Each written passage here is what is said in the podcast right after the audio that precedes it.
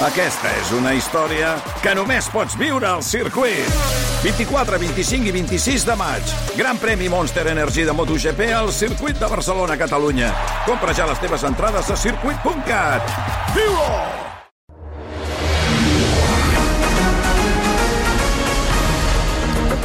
Són les 5 de la tarda, 7 minuts. Com dèiem, el preu del petroli ha tornat a tensionar-se avui, arribant a prop de 90 dòlars al barril de Brent, després de l'atac patit per Israel dissabte passat. Enmig de la incertesa sobre com pot afectar aquesta guerra a l'evolució de l'economia, l'OPEP, recordem, l'Organització de Països Exportadors de Petroli, liderada per Aràbia Saudita, ha publicat les seves perspectives de consum. L'OPEP creu que la demanda mundial de cru no deixarà d'augmentar fins al 2045 i demana augmentar la inversió al sector en 14 bilions de dòlars. D'aquesta qüestió i del flamant, la flamant Premi Nobel d'Economia en parlem als propers minuts amb Xavier Sala i Martín, catedràtic d'Economia de la Universitat de Colúmbia i autor de de la sabana a Mart, l'economia de la intel·ligència natural. Professor Xavier Sala i Martín, bona tarda, bon dia. Bona tarda, com esteu? Molt bé, aquí preparats i a punt per una nova masterclass eh, del professor Xavier Sala i Martín. Avui, eh, per començar parlant del preu del petroli i de, eh, perquè això sempre passa, quan hi ha un conflicte bèl·lic, doncs eh, una de les coses que s'encareix és el preu del petroli. No sé fins a quin punt eh, pot impactar en l'evolució de l'economia eh, no només que augmenti el preu del petroli, sinó aquest nou conflicte bèl·lic eh, de la manera que l'estem vivint. Bé, la veritat és que no ho sabem. Eh? La veritat és que no se sap perquè el, el preu del petroli, eh, com el preu de tots els altres productes del món, depèn de l'oferta i de la demanda, i no sabem ben bé com l'oferta es veurà afectada. Eh? L'any 1973, recordeu, com va haver-hi un, un, un atac similar, gairebé el mateix dia, eh? el mateix dia de l'any, el, el, el, el que es va anomenar la guerra del Yom Kippur, eh, la reacció dels països eh, diguem, productors de petroli, la reacció de l'OPEP, que de fet encara no existia l'OPEP, però arran d'això es va crear l'OPEP, la seva reacció va ser mm, tallar, eh, tallar la producció, és a dir, eh, tancar l'aixeta de petroli, i això va fer que el preu del petroli en aquella època eh, no només augmentés, sinó que es multipliqués per 7. Eh? Es va passar de més o menys 3 dòlars per barril a 21. Avui, avui ens sembla ridícul, eh? parlar de 3 dòlars i 21 dòlars, però diguem, en aquella època el preu va passar de 3 a 21 perquè van retallar l'oferta. Uh, com reaccionarà l'oferta davant del que està passant? Doncs no ho sabem. Uh, no sabem si aquesta, els atacs del cap de setmana involucren a Iran, no sabem si al final es descobreix que Iran està al darrere dels atacs, com reaccionarà Israel, que recordeu és una potència nuclear. Uh, no sabem si això afectarà la capacitat de produir que té Iran. Iran és un dels països, que no dels que més produeix, però sí dels que més reserves té, Um, I, per tant, com que no sabem res de tot això, doncs no sabem com anirà el preu. Eh? Um, I després hi ha un altre aspecte que hem descobert arran de la, de la guerra de Rússia, i és que els mercats, diguem, tenen una manera d'adaptar-se, eh? eh? que fa que al final el petroli sempre acabi sortint. Eh? Recordeu que fa un any, dos anys gairebé ja, que, que, que tot el món va fer, no tot el món, el món occidental va fer un boicot a Rússia, Europa va deixar de comprar petroli rus, Uh, això semblava que afectaria d'una manera determinant la capacitat de Rússia de vendre, però no se sap com, han aparegut uns vaixells pirates amb bandera indonèsia, eh, que resulta que porten el petroli a través de nous canals. És veritat que Europa ha deixat de comprar petroli rus, però ara el compra Aràbia o els Emirats, i la Índia, que abans comprava Aràbia als Emirats, doncs ara el compra Rússia, de manera que de la boleta per aquí i la boleta per allà, al final tot queda igual. Eh? Um, I per tant, hem acabat, doncs, els mercats acaben adaptant uh, fins i tot a boicots massius per part de tots els grans països uh, occidentals, doncs uh, l'oferta doncs, uh, ha acabat sortint per un altre lloc i tot i que al principi semblava que la guerra de Rússia uh, dispararia, i de fet va disparar el preu del petroli, tot això va durar un parell de setmanes i els preus van tornar a la normalitat. Per tant, què passarà ara? Doncs, escolta, no ho sé. no tinc ni idea. Uh -huh. uh, des d'un punt de vista econòmic, professor, aquesta guerra és uh, el preu del petroli sí que beneficia a Rússia, no? Perquè torna a estar a 90 dòlars al barril.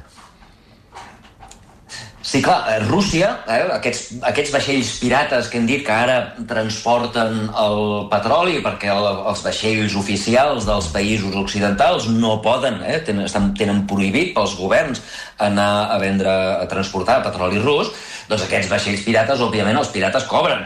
Eh? I, per tant, els calés que pot cobrar Rússia Uh, diguem, Rússia ara es, es, no, no se sap, eh, perquè tot això és il·legal, però més o menys es pensa que Rússia cobra doncs, el 75% del preu original. Eh? Uh, la resta s'ho queden els pirates que, i la Índia, no? que Índia diu jo et compro a tu Rússia en lloc de comprar Aràbia, però m'has de fer un descompte. I per tant tot això acaba fent que Rússia cobri menys, però cobra una part proporcional del preu original.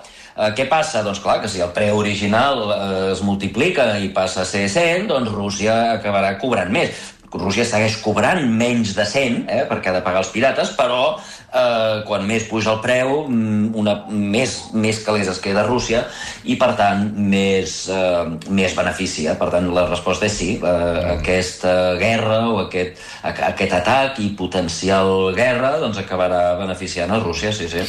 Les eh, previsions de consum de l'OPEP, eh, aquesta organització de països exportadors de petroli, liderada per Aràbia Saudita, creu que la demanda mundial de cru no deixarà d'augmentar fins al 2045 i demana augmentar la inversió al sector amb 14 bilions de dòlars. En canvi, l'Agència Internacional de l'Energia no considera necessàries inversions en noves explotacions.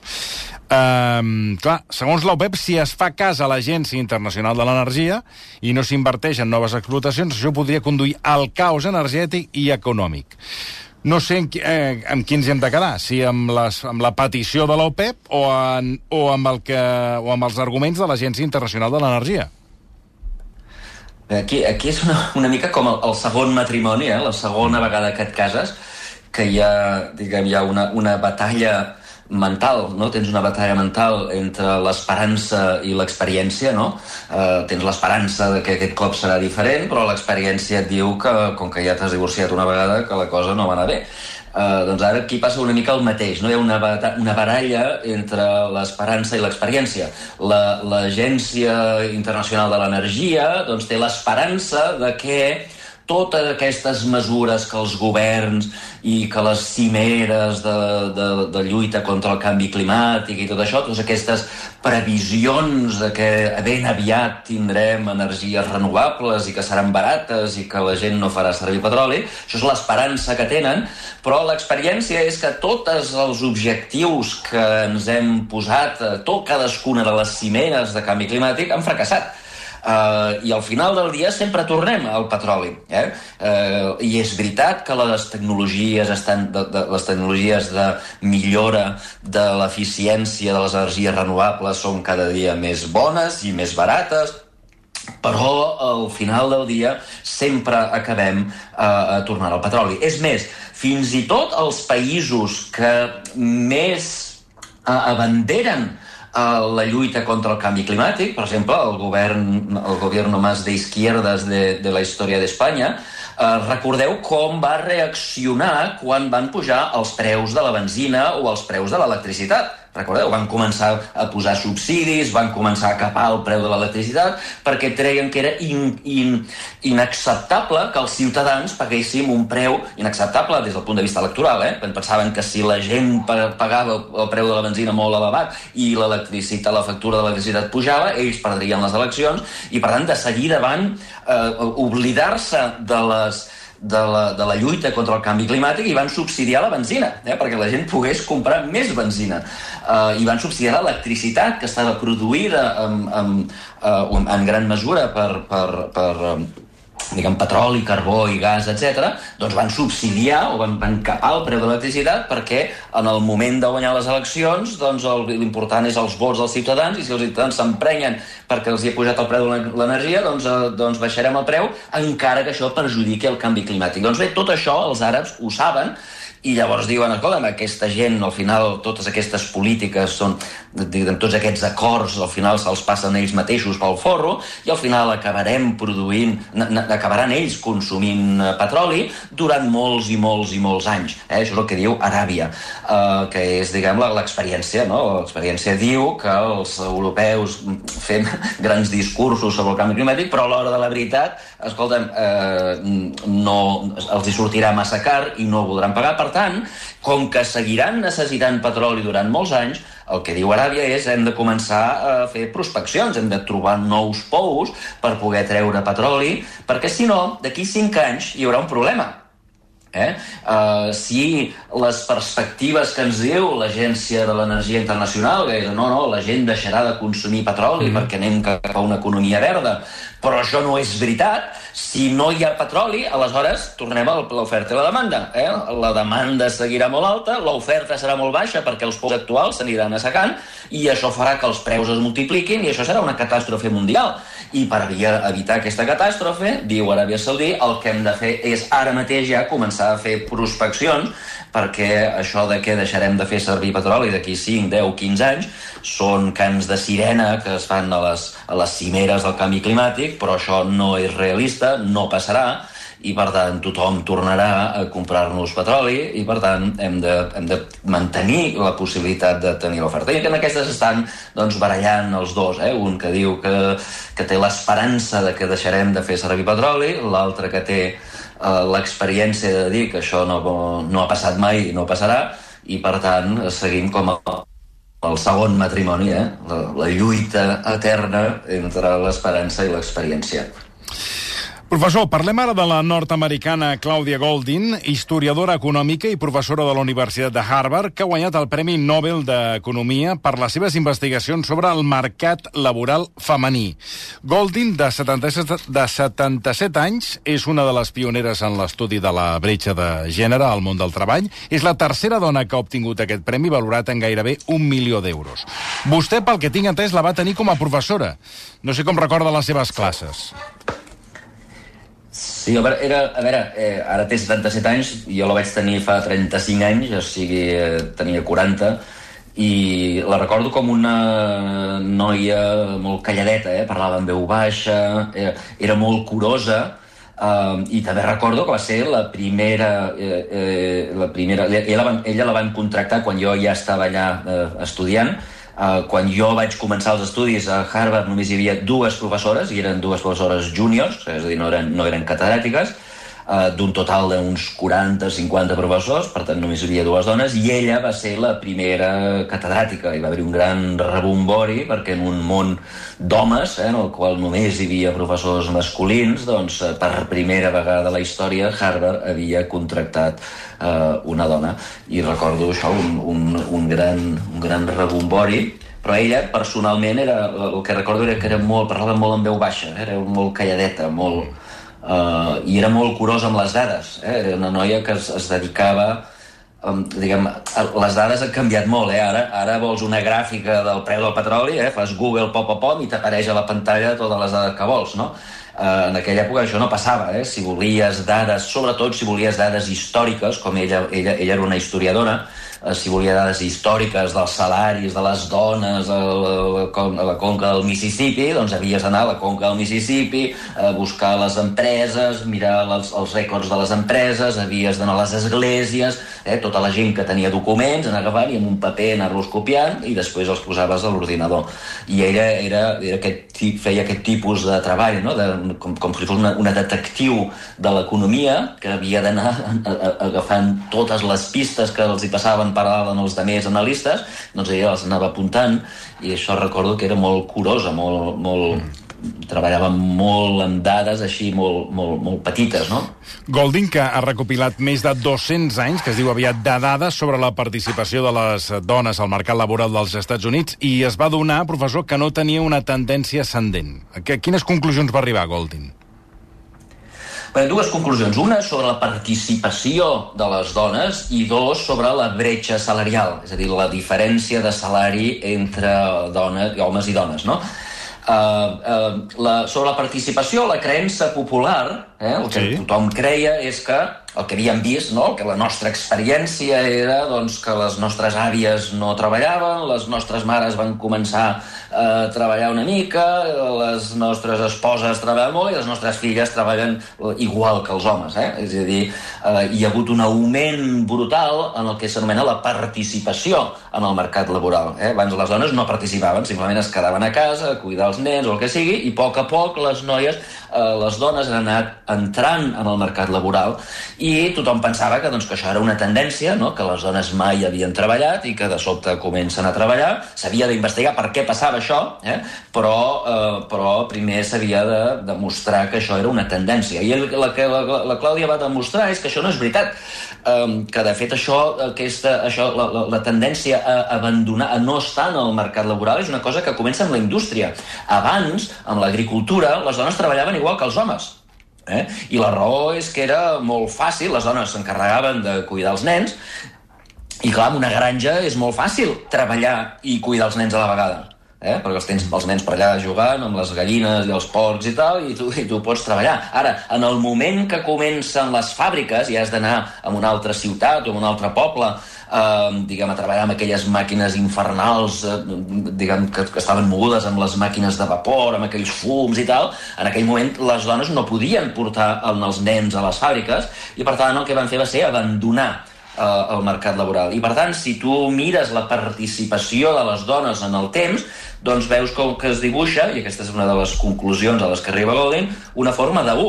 Eh? Abans era molt alta, va baixar, va baixar, va baixar, va arribar un mínim a principis del segle XX i després, a mitjans del segle XX, sobretot després de la Guerra Mundial, va tornar a pujar i, i això és el que observem nosaltres, eh? com que nosaltres hem viscut després de la Guerra Mundial, només recordem la part de pujar, eh, però la història ens demostra que va haver-hi una altra part que va ser la part de baixar. Eh?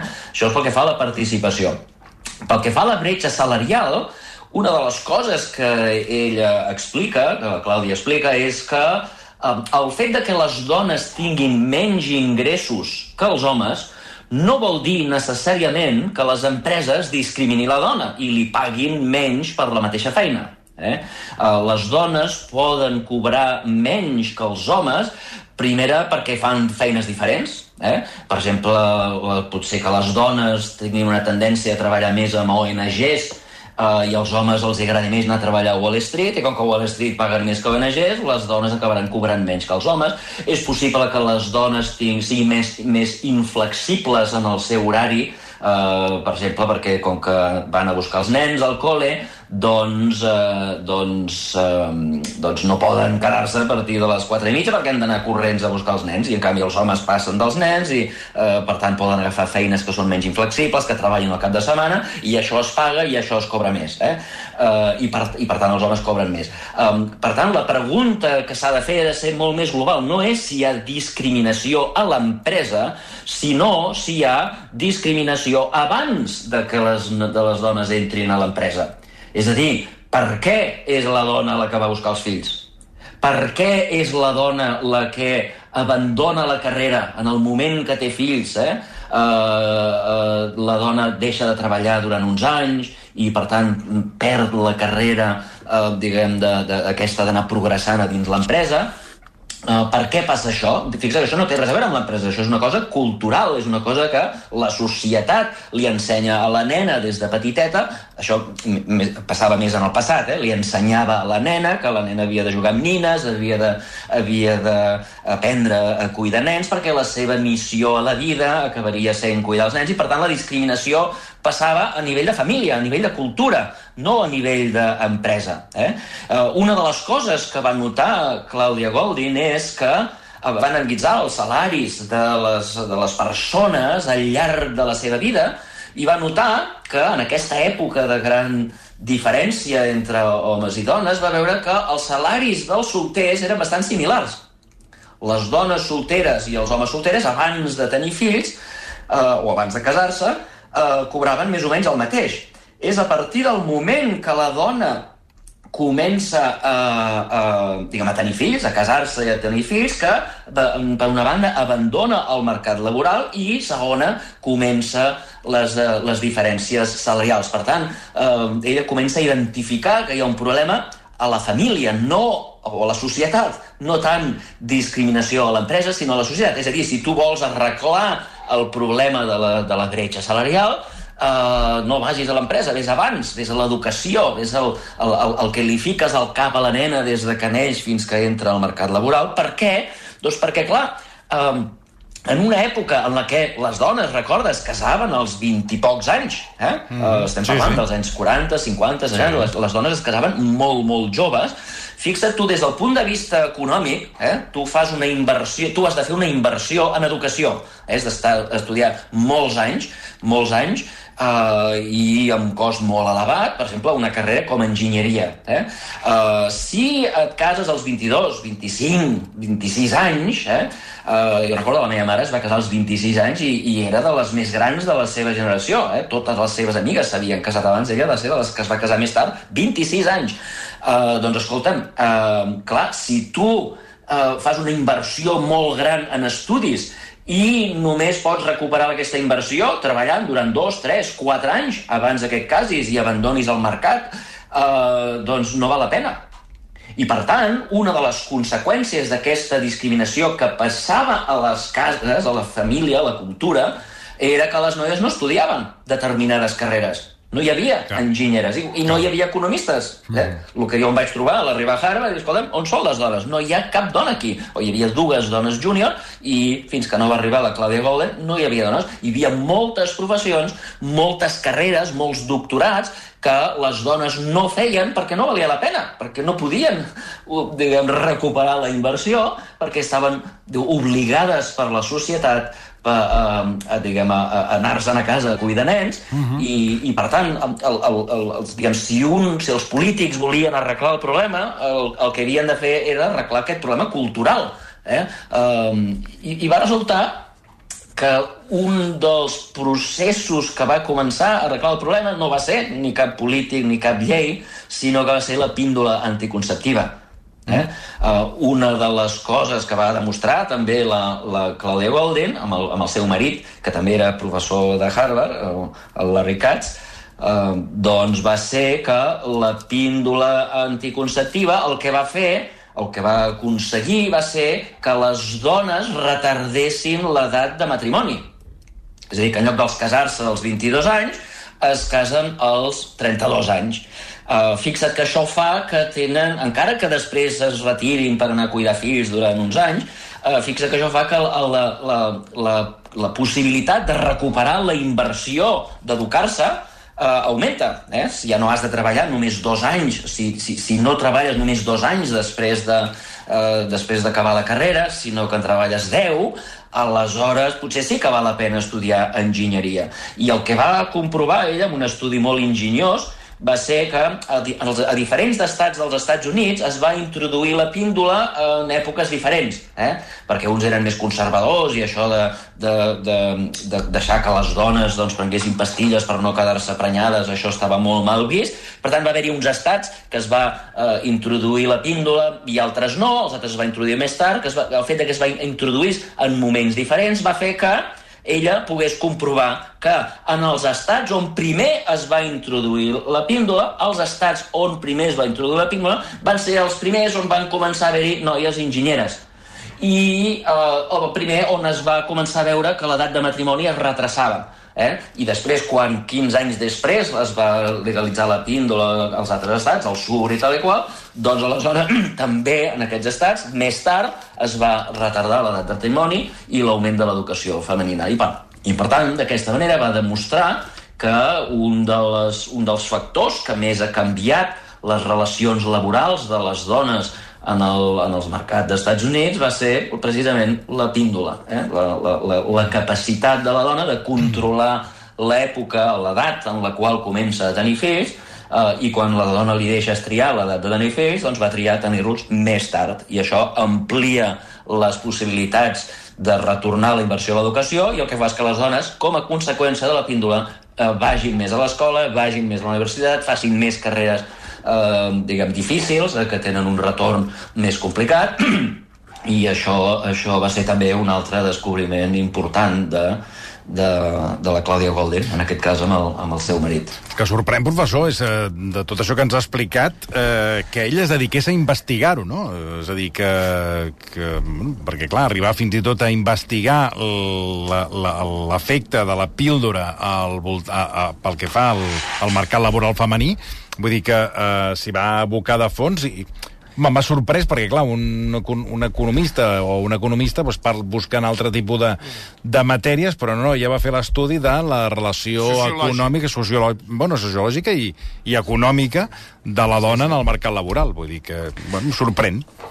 Sí, sorprèn, i, però, però és important, o sigui, no, no. és una feina, una feina que, que és molt complicada, eh? perquè ha d'anar... Eh, I recorda que això ho feia ella eh, quan encara no hi havia l'accés a les dades que tenim ara. O sigui que ell anava allà i, i preguntava a les fàbriques, teniu registres històrics del que pagàveu o de qui contractàveu, va anar a les universitats i a veure, diguem, quantes noies hi havia, etc etc. O sigui que totes aquestes dades les va haver de col·leccionar ella eh, a base d'anar als llocs Uh, per això dic que és com una mena de detectiu, eh, com sí, el Sherlock Holmes amb la seva lupa, anar buscant, anar buscant, i, i ella sempre diu una cosa que jo crec que és molt important, que en la investigació i en la innovació en general, eh, la clau no és eh, la capacitat de trobar respostes. La gent que té èxit, la gent que innova, eh, la gent que té idees, no és la que troba les respostes, és la que fa les preguntes. Eh? Uh, I ella, en aquell moment, es feia preguntes que ningú més es feia. I un cop tens la pregunta i tens una passió per, per trobar la resposta, quan tens una pregunta de veritat que et preocupa, que no et deixa dormir les nits, doncs el que et dediques és allò, a fer de detectiu, a buscar, no? com, com, el, com el Sherlock Holmes, no? que té la passió eh, de, doncs, a, buscar la, a buscar la resposta, però el que la guia a trobar la resposta és la pregunta, eh? i és per què les dones cobren menys? Per què les dones no estudien? o per què les dones no volen treballar? Eh? Uh, la pregunta, la resposta fàcil és home, és que hi ha una discriminació i les empreses no les contracten perquè els agrada més als homes. Però ella diu, no, no, això no pot ser, perquè si les dones, diguem, si contractant dones Uh, diguem, si contractessin dones igual de bones pagant-los menys, el que passaria és que tothom contractaria dones són molt més barates, no? Ha, ha d'haver-hi alguna raó per les quals les empreses no contracten aquestes dones. És a dir, que la seva pregunta persisteix a la, a la resposta fàcil, immediata, diguem, eh, patatera, Uh, i, i com que, ella, com que ella no li agrada la resposta patatera, doncs segueix investigant, segueix investigant i troba les, unes causes que són molt més fonamentals i fes que això canvia el món.